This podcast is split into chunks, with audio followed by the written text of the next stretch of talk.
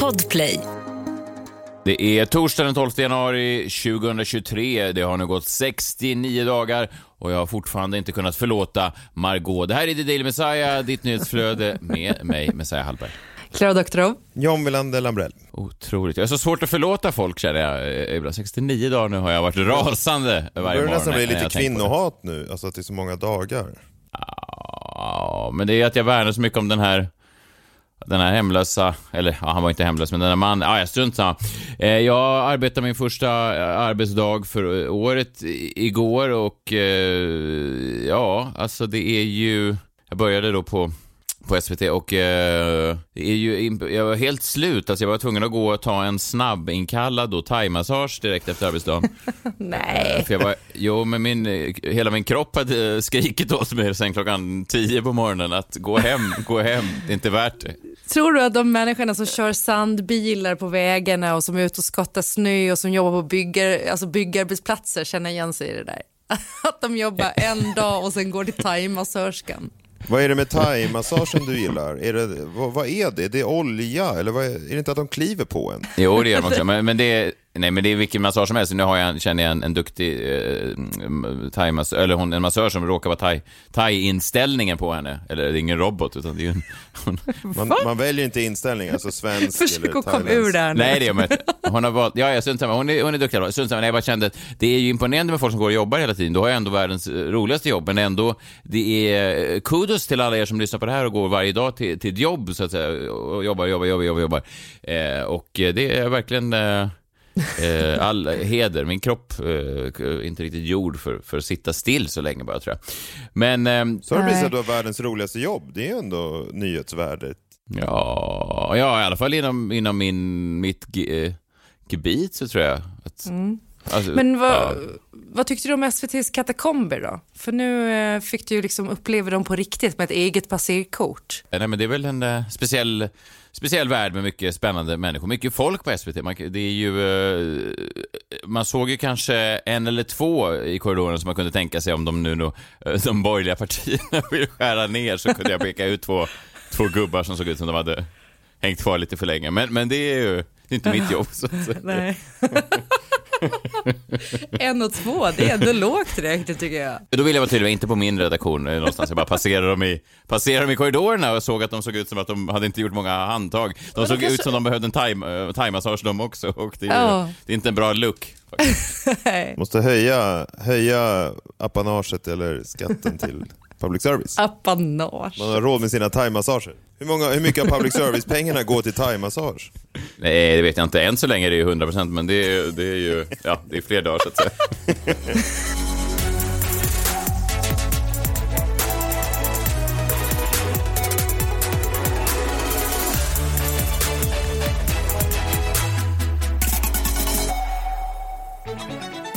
Välkomna eh, hit. Igår var första programmet för säsongen. Ny, eh, nytt program idag. Det är lite så vi jobbar. Jag vet inte om det har hänt något i världen. Jag arbetar ju på annat håll nu så jag har väldigt svårt att hålla eh, utkik i, i, liksom, i, i- pressen. Har det hänt någonting senaste dygnet som kändes spännande? Ja, men det tycker jag väl. De har släppt senaste Melodifestival-uppställningen. I vilken ordning folk kommer att tävla. Det kanske inte är så jävla spännande ändå. Är det det? Eh, kan, Ja, men det som är spännande är väl att, de, att SVT väljer ut vem de vill att vinnaren ska vara. Det är väl den som går sist ut. Ja, antingen först eller sist. Och först ut är ju Tone Sekelius och sist ut är Loreen. Så det är ju alltid deras top eh, dogs, liksom, deras eh, vinnarkort som de lägger där först och sist. För att rama in tävlingen på ett bra sätt. Men sen vet inte jag om ni har följt det här med ehm, eh, Gwen Stefani. Jag tänker att jag, jag, jag testar att pitcha det här på er och se om ni tycker att det är roligt. Men eh, att jag kan ha ett format nu som heter Är det CA? Nej eller ja? Alltså ett nytt format där jag kommer att plocka fram, eh, när jag hittar en känd person som anklagas för kulturell appropriering och så får ni liksom säga om det är det eller inte. Vad tror ni om det? Hmm, eh, jaha, är det, jaha, kulturell appropriering, alltså på Ja. engelska då, cultural, C, ja jag förstår. Är Det det, kallas för kulturell- CA. Liksom. Men- är det ja, förstår. nej eller Men, ja? eh, ja? hur känslig är du för sånt där? För jag kommer ihåg en gång jag var på Södermalm i Stockholm och då satt jag inne på en eh, sushi-restaurang och åt med, med Kina, eh, sådana Kina-pinnar. Och då gick det förbi en, en, en, ja, vad jag antar är en kines och sa att det där som du håller på med, det är kulturell appropriering. Nej, det, det har jo, inte och då fick hänt. jag förklara att det, det var liksom restaurangens egen Jag är liksom ganska, jag, jag tror att jag nog är, eh, jag har blivit lite mer eh, vidsynt vid, eh, med åren. Alltså jag, tycker in, jag tycker att det är lite tramsigt med hela begreppet ser jag faktiskt. Det kan behövas ibland men väldigt sällan. Eh, men vi kikar på det här då. Gwen Stefani då, hon har ju sedan en lång tid ifrågasatts för just eh, kulturell appropriering även kallat CA, eftersom hon runt då 2004 introducerade fyra japanska dansare som kallade sig för Harajuku Girls. De fyra hette Love, Angel, Music och Baby och eh, de anställdes då för att göra reklam för Stefanis nya soloplatta med samma namn. Så här långt kanske inte jättekonstigt. Jag tyckte då att det kändes väldigt pikt, vill jag minnas i alla fall. Eh, men med dagens samhällsanalys så tycker man att hon utnyttjade asiatiska kvinnor som rekvisita för att tjäna pengar. Och att det skulle vara ännu ett tecken på vit postkolonial... postkolonial... postkolonial... Galalala, postkolonial... Nej, jag kan inte säga det här ordet ens. Att det skulle vara ännu ett tecken på vit postkolonial... Men det går ju inte. Kan ni hjälpa mig? Postkolonialismen. Jag anar redan, anar redan problem för det här segmentet om det ska återkomma. Okej, okay. vit postkolonialism. Nej, jag sa det ju en gång. Så gick det åt helvete. Mm, ja. Skitsamma. Ja. Vad säger ni? Ja. Är det här CA? Nej eller ja? Att, att anställa fyra asiatiska bakgrundsdansare? Ja. Som en vit ja, amerikansk varit, kvinna.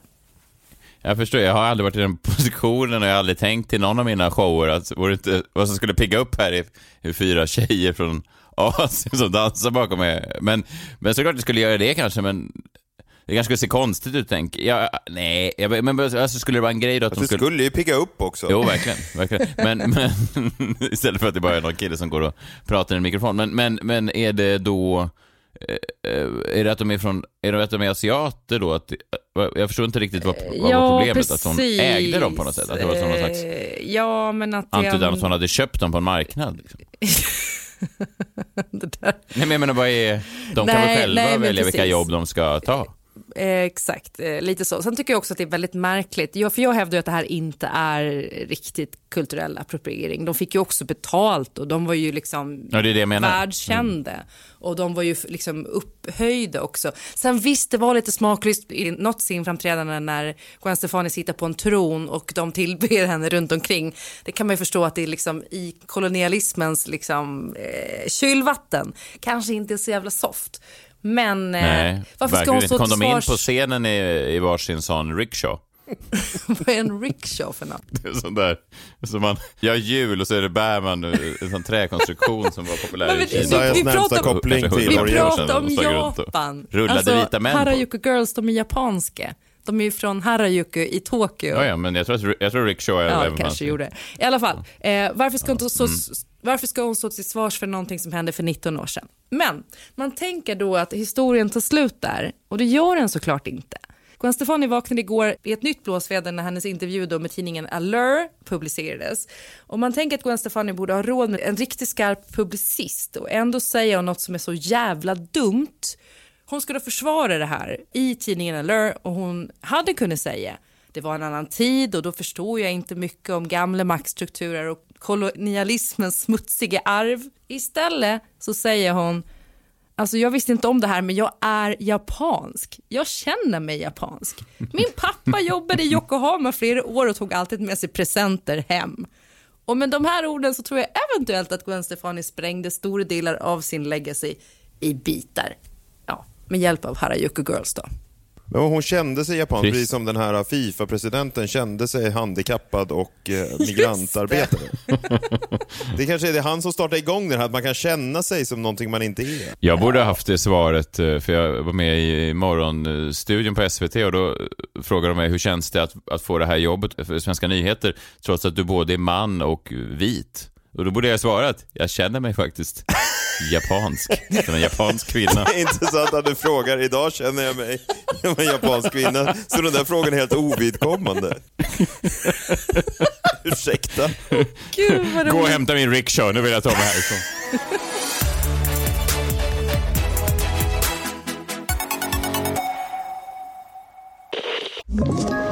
Ett poddtips från Podplay. I fallen jag aldrig glömmer djupdyker Hasse Aro i arbetet bakom några av Sveriges mest uppseendeväckande brottsutredningar. Går vi in med hemlig telefonavlyssning och, och då upplever vi att vi får en total förändring av hans beteende. Vad är det som händer nu? Vem är det som läcker? Och så säger han att jag är kriminell, jag har varit kriminell i hela mitt liv men att mörda ett barn, där går min gräns. Nya säsongen av Fallen jag aldrig glömmer på Podplay.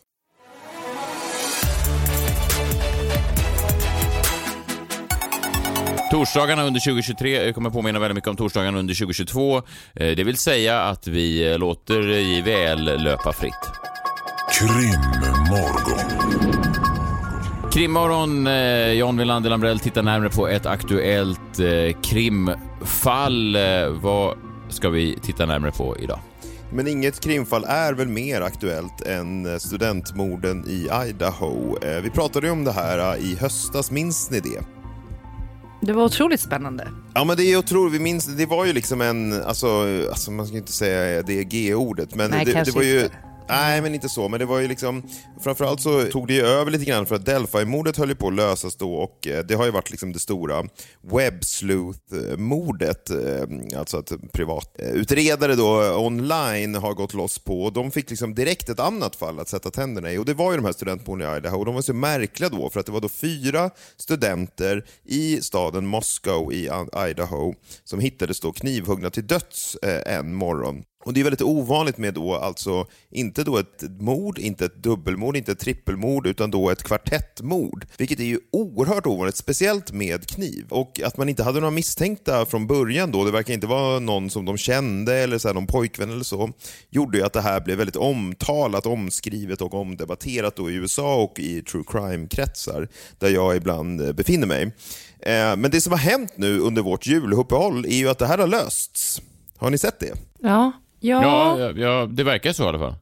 men eh, jag förstår inte riktigt hur de kom fram till att det var den här, det var någon snubbe va? Ja, det är det alltid. Ja, alltså, ja, det kan man säga. Det var någon snubbe. Det, alltså, det, det tipset hade inte kanske hjälpt utredarna, Klara, alltså, när de verkligen utredde det här. Men, eh, Vadå?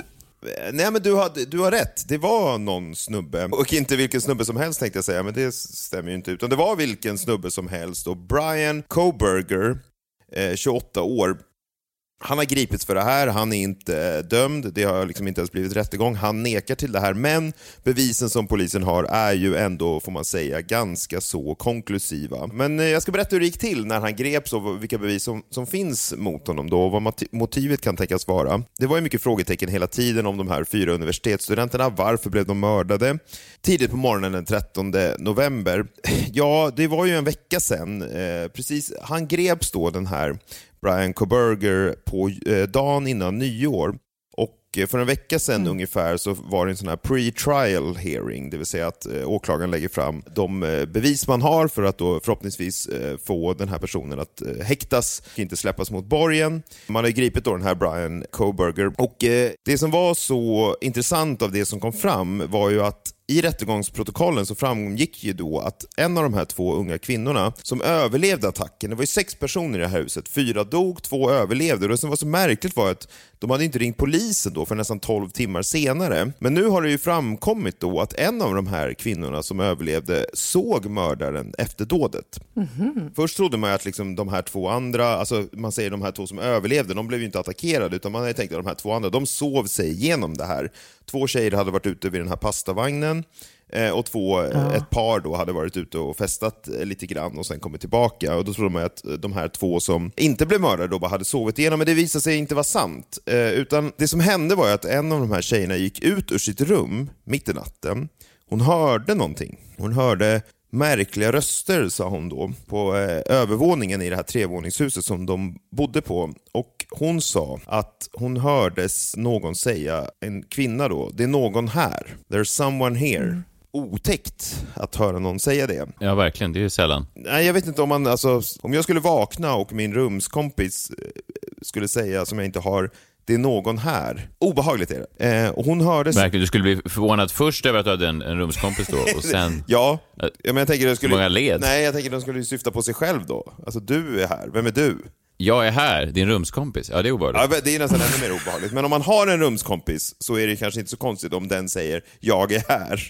Eftersom det är ens rumskompis. Fast det är ändå konstigt. Varför skulle man låta, det låter ju som en speciell person, varför skulle man låta välja just den då? Det är så svårt att få bostad i Stockholm, tänker jag att det är konstigt att välja någon som verkar prata så konstigt. Men ja, det här är sidospår. Ja, hon hörde i alla fall sin, sin rumskompis, eh, kvinna, säga det är någon här. Sen hörde den här eh, tjejen hennes rumskompis gråta. Och sen hörde hon en okänd mansröst som sa “It's okay, I'm gonna help you”. Eh, det är okej, okay, jag ska hjälpa dig. Vilket nästan är ännu mer obehagligt. Nej, fy fan. Öh, jätteobehagligt. Så hon tittade liksom ut i korridoren och då såg hon att det uppenbarade sig en svartklädd man som hade ett munskydd på sig som täckte munnen. Eh, och jag menar, I de här tiderna är inte det kanske så konstigt, även om pandemin är lite över och sådär. Men hon tyckte att det här var oerhört obehagligt. Hon kände inte igen honom och han passerade precis förbi henne och hon liksom frös, frös helt fast och eh, kunde liksom uppge för polisen senare en eh, description av honom. Då, smal, atletiskt byggd, medellängd eh, och lite sådär. Eh, och hon direkt låste in sig på sitt rum. Och här är ju då det märkliga, och det är väl det som har gjort att det här fallet blivit uppmärksammat också, för hon ringde då inte polisen. Nej. Efter det här. Det här var ju på natten och var, polisen tillkallades ju inte för nästan 12 timmar senare, alltså senare på dagen därpå. Det här var, morden skedde vid tre tiden på natten. Och Det här är ju liksom en, mm. en väldigt märklig detalj som folk har hängt upp sig på, men jag vill ändå eh, säga att det här är just det, det är en detalj. En märklig detalj, men döm inte den här kvinnan för att hon inte ringde polisen. Man vet inte hur man, hur man liksom reagerar på sånt här sätt. Om ni hade haft en sån här person, som ni, man vet inte vad man hade gjort, eller hur? Nej, alltså det ska ju krävas jävligt mycket för att man ska ringa polisen ändå. Det gör man ju inte bara för att man tycker att det är en lite kuslig stämning och att om man bor också i ett sånt kollektiv, det går folk fram, alltså in och ut hela tiden. Eh, det gör det ju. Vilken det är mardröm ju. Det är alltid någon som är hos någon eh, liksom, och hälsar på. Det var därför jag hade så svårt för um, studentlivet, just för att det var den där stämningen. Ja. Att det alltid bara poppade förbi folk sådär. Det var otroligt stressande. Det var omöjligt för en halvautist som jag att liksom kunna eh, boxa in folk. Det bara dök upp nya här blonda killar med spretig frisyr hela tiden. Det var otroligt stressande. ja, men, du bodde ju inte ens i ett kollektiv. Gjorde du det? Ja, du bodde på, nej, nej, men de här andra gjorde ju ofta det och så tvingades man dit på fester och så, ja, jag vet jag tyckte det var obehagligt i alla fall. Ja.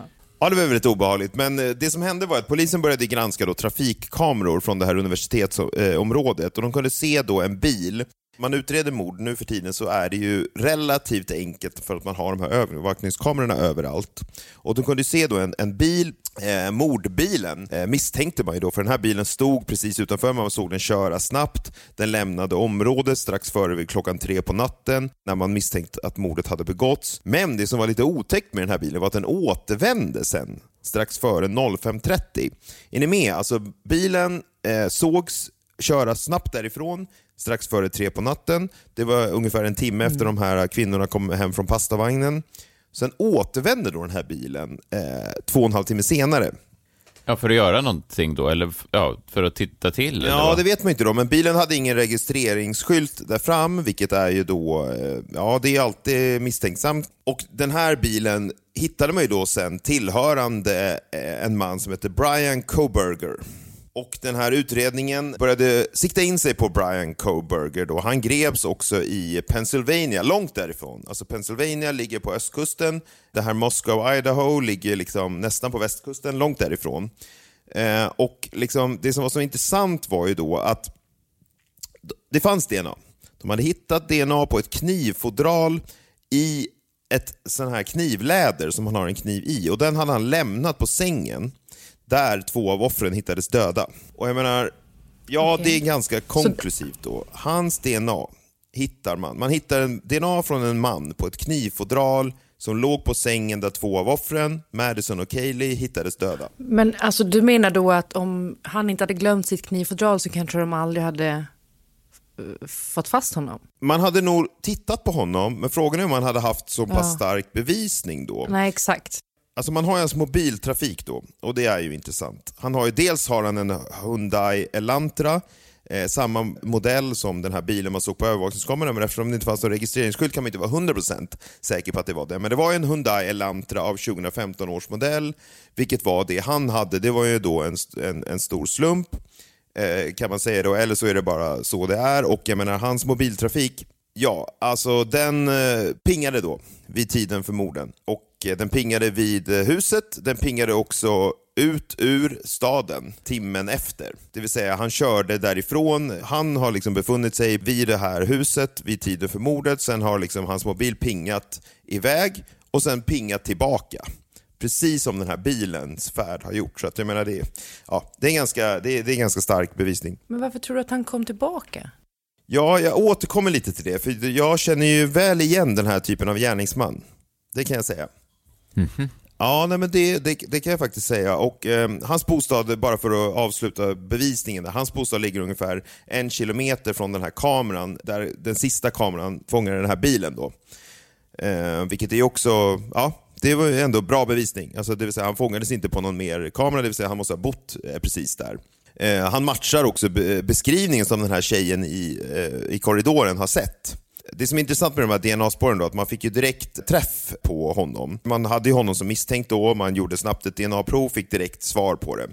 Eh, Så det gick ganska snabbt då. Han hade också haft sin mobil avstängd mellan 02.47 och 04.48 på den här natten. Men det är väl smart? Då hade han ju, då hade han ju tänkt i alla fall på, på just det där, jag att inte vet, bli... Jag vet, problemet pingad. är ju bara då att han stängde av den 02.47, alltså precis innan morden. Han hade redan pingat vid den här bostaden.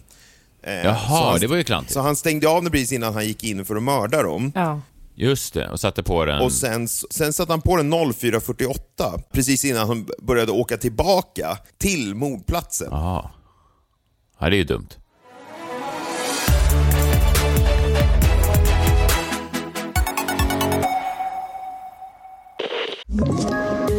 Ett poddtips från Podplay. I podden Något Kaiko garanterar östgötarna Brutti och jag, Davva, dig en stor dos skratt. Där följer jag pladask för köttätandet igen. Man är lite som en jävla vampyr. Man har fått lite blodsmak och då måste man ha mer. Udda spaningar, fängslande anekdoter och en och annan arg rant. Jag måste ha mitt kaffe på morgonen för annars är jag ingen trevlig människa. Då är du ingen trevlig människa, punkt. Något Kaiko, hör du på Podplay. Därför är gardinerna.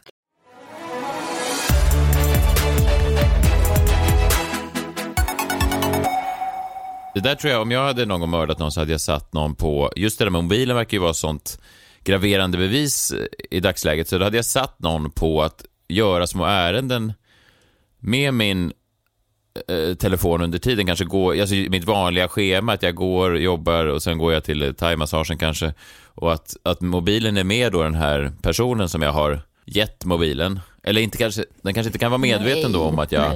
Du ska vara på en stor fest och där lämnar du din telefon. Du går iväg, eh, du hälsar på så många du kan komma på där. Var, helst på varenda en. Går iväg, gör det du ska, komma tillbaka. Mobilen har varit där hela tiden. Du, folk har sett det där, de kan man inte kunna säga exakt vilken tid de har sett det där. Och, ja, jag kanske har tänkt på det lite för mycket. Nej, men jo, fast är det inte bättre att göra då det som jag sa, att man, man låter någon göra exakt det som jag gör en vanlig dag, eh, men, men man får då inte Antal personer får inte veta om det, för då blir det misstänksamt. Utan jag måste då smyga ner kanske min telefon i bakfickan då på den här personen. Det är oerhört smart. Eh, och sen säga då, det som jag sa nu. Det är precis så man ska göra. Ja, fast ingen kommer ju säga att de har sett Messiah på något av de här ställena. Ingen kommer säga det. Nej, nej, men det spelar ingen roll. Alltså, om så här, mobiltrafiken pingar då på... Vem skulle du lägga din mobil i till exempel? Jag känner ju bara dig, så att jag antar det är din bakficka. och så skulle i och för sig folk bli misstänksamma när de undrar, Messiah, vad gjorde du på den där spenatrestaurangen 12.02? och då skulle det direkt falla. Spenatrestaurangen. Ja, men då skulle ju alla bevis peka på mig igen. Här är då det obehagliga med Brian Coburger. De eh, kollade ju hans telefon som sagt och då upptäckte man att hans telefon har kopplat upp sig 12 gånger mot den mast i området där det här mordhuset ligger Första tillfället var juni 2022. Det här mordet skedde i oktober. Nej, oh. Och varje ping inträffade på väldigt sena kvällar och tidiga morgnar. Okej, förstår ni? Ja, så han har legat i bakhåll där och haft uppsikt över huset. Ja, i flera månader. Den sista pingen eh, som finns på honom är då klockan 09.12 den 13 november, det vill säga sex timmar efter mordet. Och jag menar, vid den här tiden så låg de här äh, mordoffren fortfarande oupptäckta i huset när hans telefon kopplade upp sig i kvarteret då en sista gång. Ja, han har alltså åkt tillbaka dit flera gånger. Eh, sen så då, eh, polisen hittade lite innehåll i hans föräldrars soptunna, soptunna och sånt där och fick en DNA-match på honom. Men det som är så intressant och det är att polisen har inte offentliggjort några kopplingar mellan Coburger och de mördade ungdomarna. Det vill säga, de visste inte vem det här var. Och dit, då, då Det är bara sträcker sig... ett creep. Precis, då sträcker sig frågan, vem är han? Varför mördar han fyra personer på det här sättet? Jo, här är min då gärningsmannaprofil som är då enklare att göra när eh, personen är gripen. Men det är ju att den här personen gillar att mörda. Han vill mörda, han fantiserar om att mörda, han mördade. Det är vem han är, Brian Coburger. Det är svårt att ta in då att det skulle finnas sådana människor, men sådana människor rör sig i samhället, de är inte många. Men de finns och de mördar. Sen kan man också se i hans utseende, för de som mm, liksom kan sin seriemördarhistorik så är han ju spöklikt lik Ted Bundy. Han ser ut som Ted Bundys son i princip. Ted Bundy var ju snygg. Eh, ja, och det är ju, alltså han, ja det, visst, det kanske han är. Men han ser ut som Ted Bundy. Här är skillnaden då. Ted Bundy kunde fortsätta mörda och det finns ingen tvekan om att Brian Coburger hade fortsatt mörda.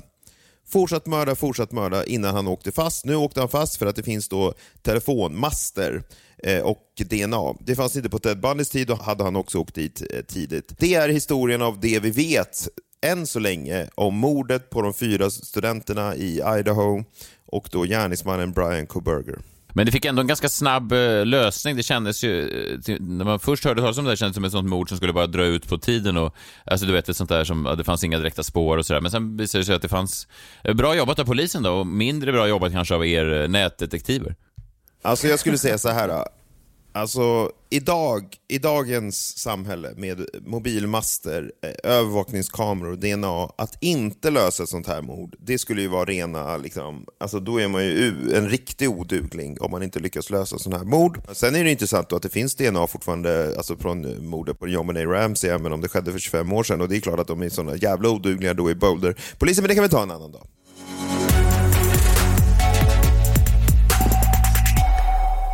Ja, vi ska strax eh, tacka för oss. Eh, nu kollar jag här lite plöjer nyhetssidorna här, så jag vet inte om ni har hört det. Jag jobbar ju väldigt mycket, jag blir väldigt sådär, måste gå till thai- thaimassagen hela tiden, men, men jag går in här, snabbt plöjer på eh, vad som har hänt de senaste dygnet här. Expressen rapporterar just nu, kirurgen uttalar sig.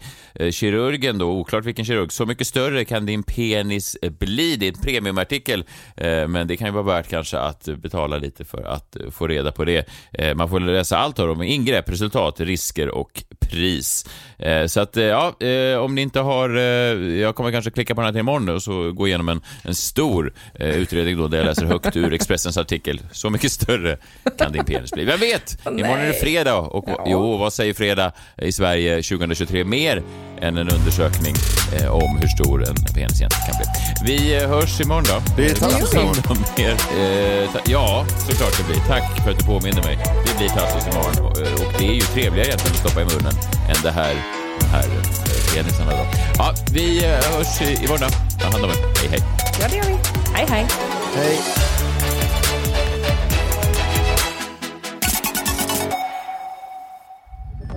Podplay, en del av Power Media.